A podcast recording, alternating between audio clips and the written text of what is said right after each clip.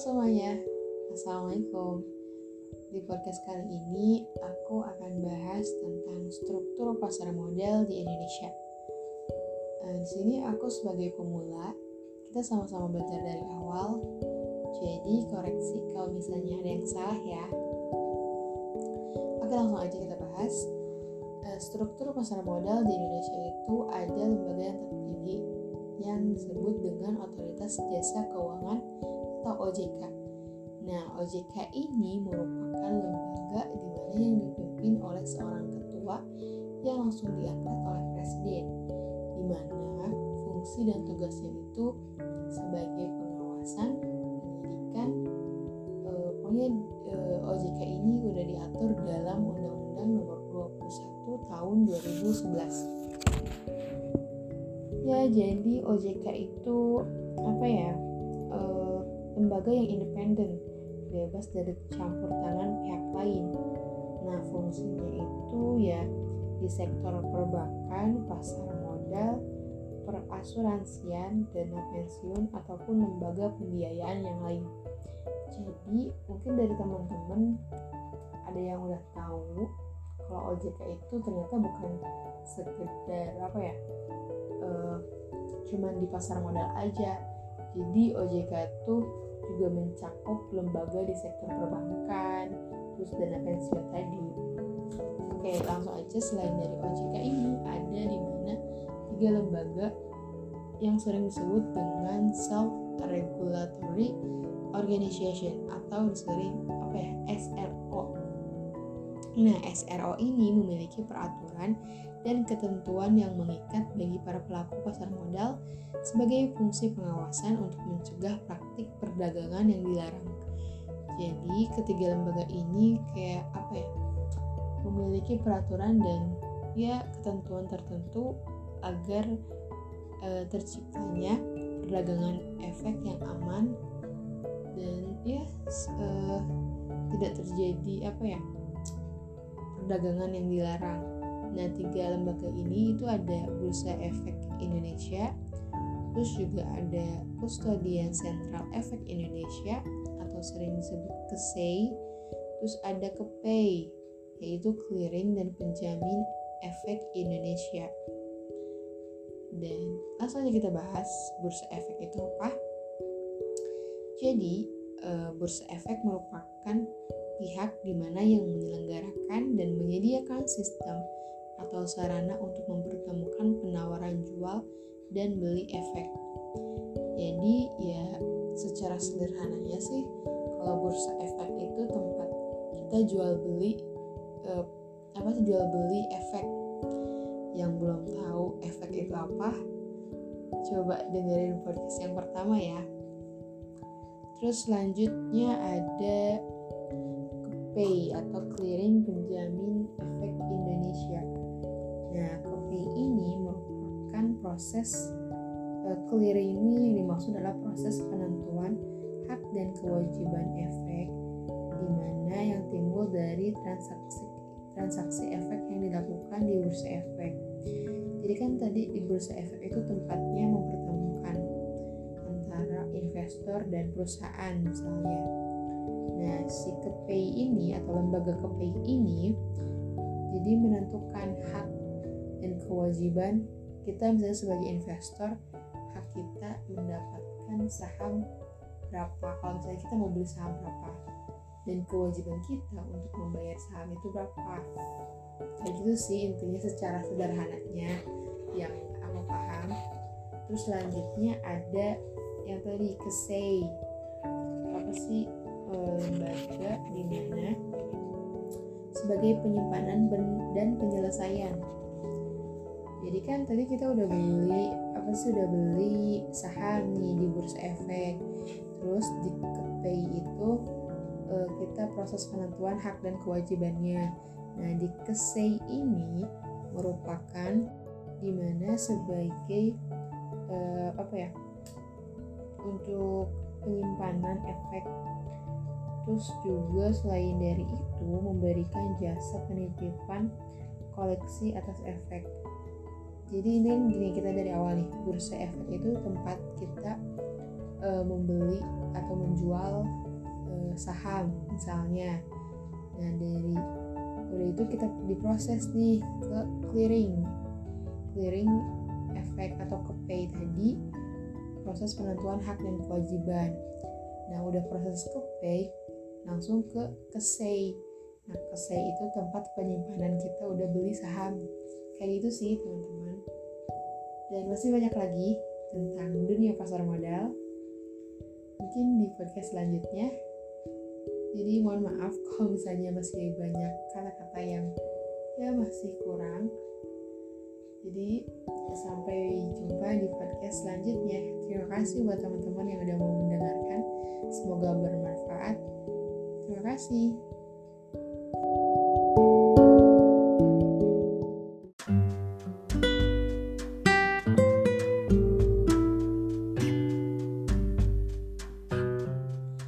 Halo semuanya, Assalamualaikum. Podcast kali ini aku akan membahas tentang struktur pasar modal di Indonesia. E, Lanjutan yang kemarin ya. Jadi seperti biasa, karena di sini aku sebagai pemula Kita sama-sama belajar dari awal. Jadi koreksi kalau misalnya ada yang salah ya. Oke, jadi gini.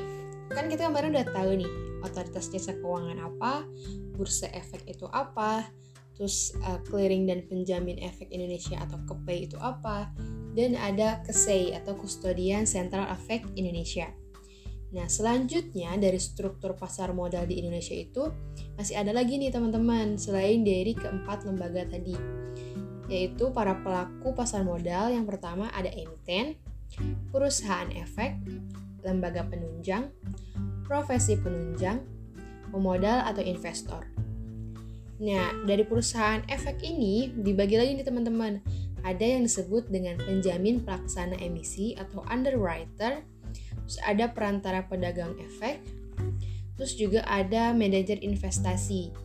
Kalau di lembaga penunjang, itu ada Biro Administrasi Efek, Bank Kustodian, Wali Amanat, Pemerintah Efek, Penilai Harga Efek Indonesia, terus ada penyelenggara Program Perlindungan Investor Efek Indonesia. Selain itu, dari profesi penunjang itu ada akuntan, notaris, penilai, konsultan hukum, dan di pemodal atau investor itu ada domestik atau asing.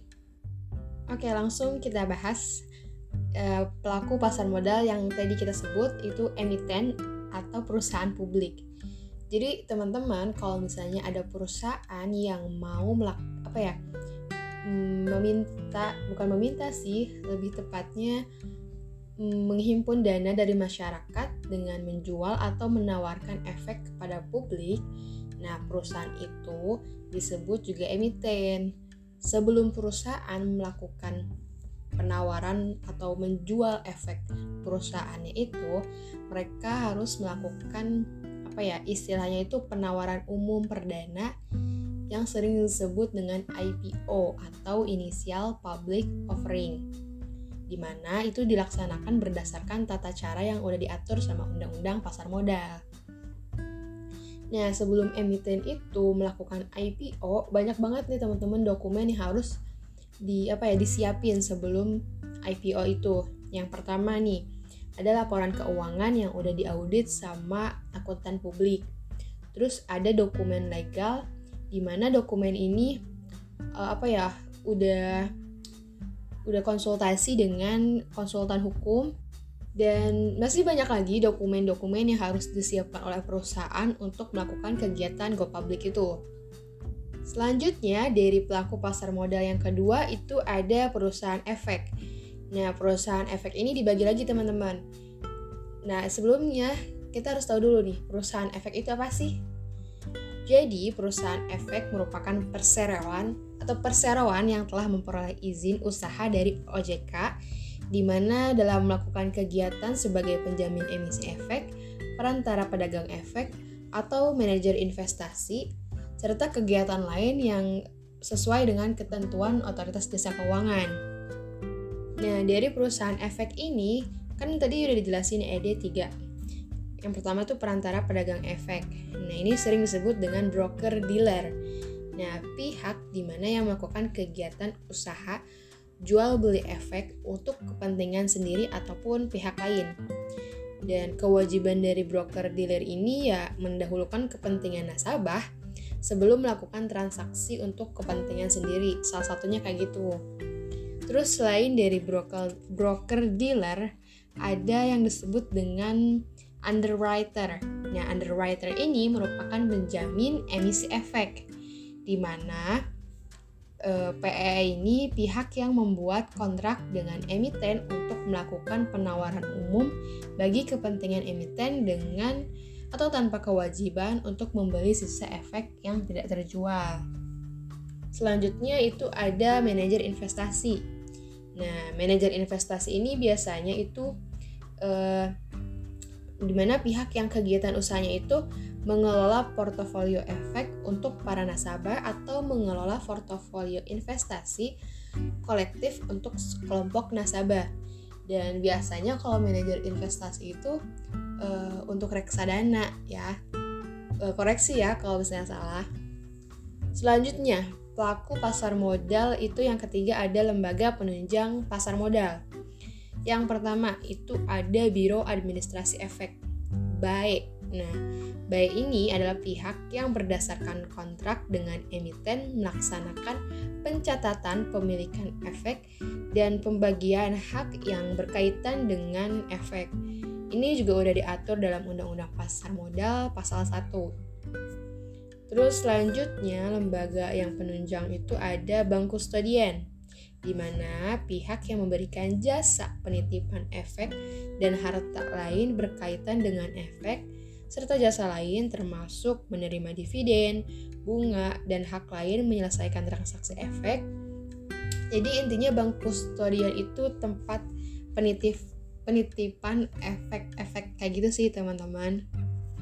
Selanjutnya e, itu ada yang disebut dengan wali amanat.